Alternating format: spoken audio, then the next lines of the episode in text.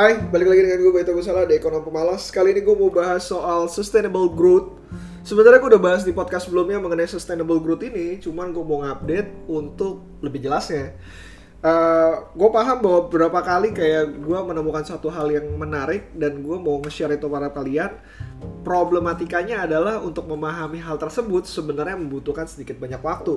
Gue butuh riset dan gue butuh implementasi terhadap hal tersebut. Akan tetapi gue ngerasa kayak share dulu aja. Kalaupun nanti memang butuh update ya here we are kita akan update bagaimana gue menjelaskannya gitu. Uh, so apparently gini sih. Sebenarnya uh, ada satu hal yang membuat orang lain pusing mengenai uh, growth dari sebuah company itu sendiri. Bagaimana gue mengestimasi growth uh, long growth dari sebuah company gitu. Nah, uh, proses mudahnya secara garis mudah lo harusnya menggunakan ROI (Return of Equity). Dan timbul problem kedua, di mana ternyata ROE tidak sesuai dengan growth-nya. Kadang-kadang growth-nya lebih tinggi dibanding ROE-nya ataupun growth dari sales kita ngomongin growth sales ya, growth sales lebih tinggi dibanding ROE-nya atau growth sales lebih rendah dibanding ROE-nya.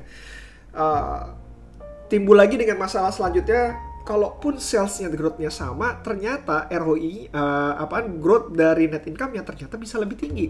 Dan ini yang menyebabkan sebenarnya orang uh, sebenarnya sustainable growth-nya berapa sih gitu? Berapa sih growth yang sebenarnya harus gue prediksikan atau gue adjust gitu? Nah, simpel lagi nih. ROI itu adalah mengindikasikan efisiensi terhadap uh, sebuah perusahaan jika perusahaan tersebut melakukan efisien uh, bukan melakukan efisiensi jika perusahaan tersebut berjalan uh, apa separatis paribus sesuai uh, pada uh, tanpa adanya perubahan faktor dan lainnya dalam jangka yang cukup panjang. Jadi lu menggunakan ROE. ROE itu akan menghasilkan sales growth yang sama dan net profit yang juga uh, apa growth dari net profit yang juga sama. Kuncinya adalah sales growth yang sama dan net profit yang sama, artinya lo mempunyai profit margin ataupun gross profit margin yang benar-benar sama. Intinya cuma di situ aja. Kalau perusahaan tersebut tidak mengeluarkan dividen, artinya gini, seharusnya secara matematis ROE sama dengan sales growth sama dengan net profit growth. Nah, terus bagaimana kejadiannya kalau ternyata growth-nya itu bisa lebih tinggi dibandingkan uh, entah uh, apa net profit growth ataupun uh, sales growth bisa lebih tinggi dibandingkan dengan ROE-nya gitu ternyata gue bisa ngeliat kebanyakan yang uh, growth lebih tinggi dibanding uh, ROE-nya sales dalam hal ini adalah sales growth uh, tidak sustain. Contohnya adalah Wood.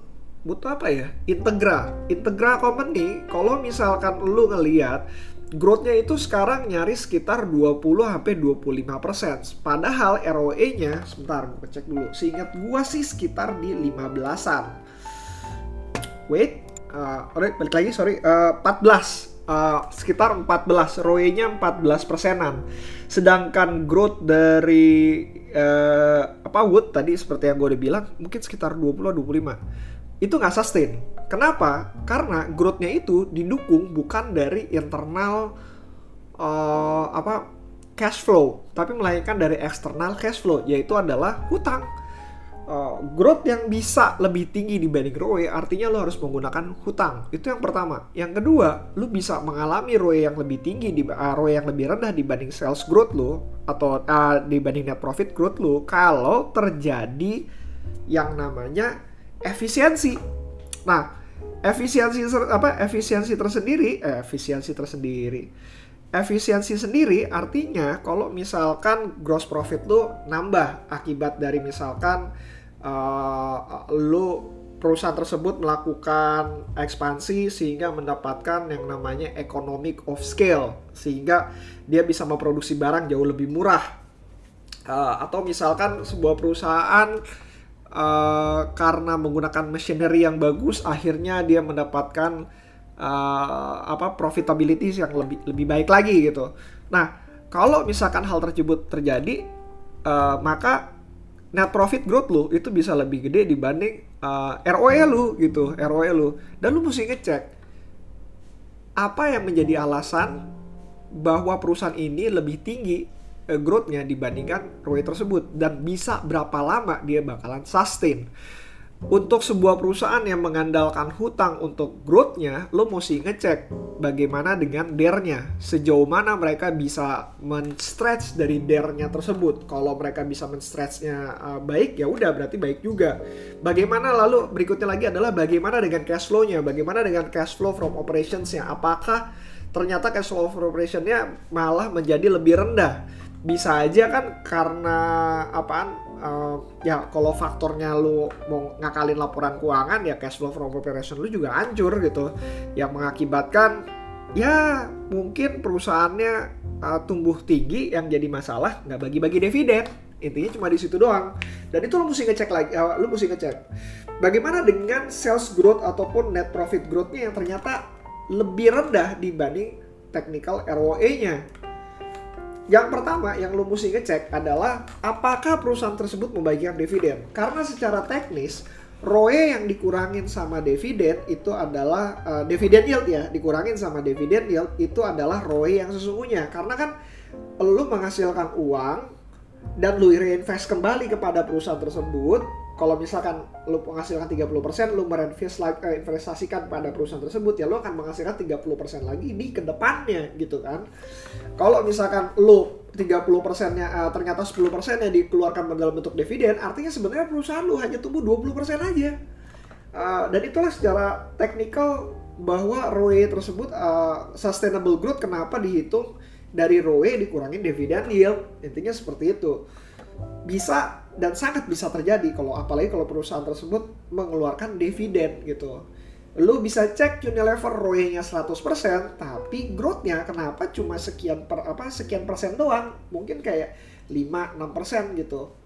Kadang-kadang eh, pernah lah hampir belasan persen juga pernah. Tapi lu mesti ngecek kenapa itu bisa terjadi. Karena ROE yang tinggi tersebut ternyata hampir 100% dibagikan untuk dividen. Sehingga uang yang direinvestasikan kembali ke perusahaan tersebut sebenarnya jauh lebih kecil. Dan itulah sebenarnya technical growth dari perusahaan tersebut.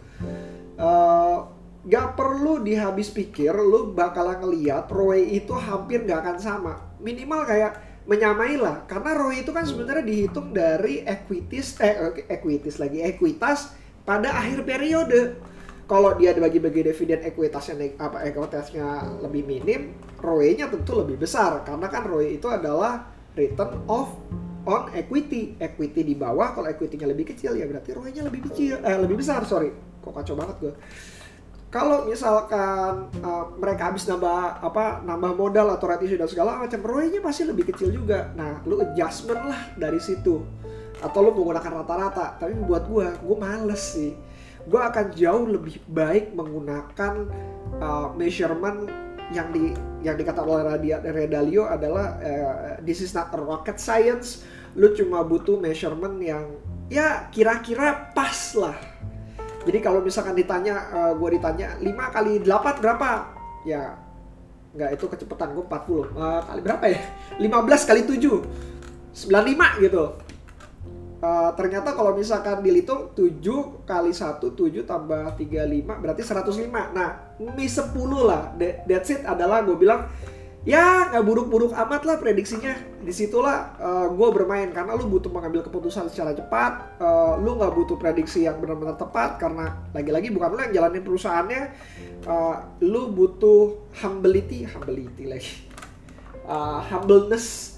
Bahwa lu bisa salah. Dan itu yang uh, karena hal tersebutlah lu membutuhkan yang namanya margin of safety ya lu bisa salah itu, lu bisa salah prediksi dan segala macam margin of safety ya terserah suka-suka lu. Warren Buffett bilang 30% bukan berarti lu harus 30% juga gitu. Mungkin buat lu yang konservatif 60% jauh lebih bagus ya udah, it's okay gitu.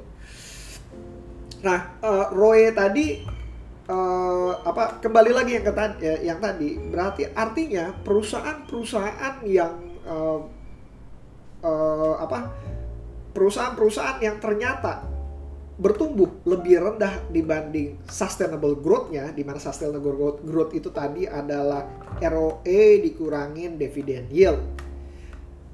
berarti dia tidak bisa memaksimalkan kapasitas dari produksinya. Dia nggak bisa efisiensi, dia tidak bisa menjual, dan lu mesti cari tahu kenapa.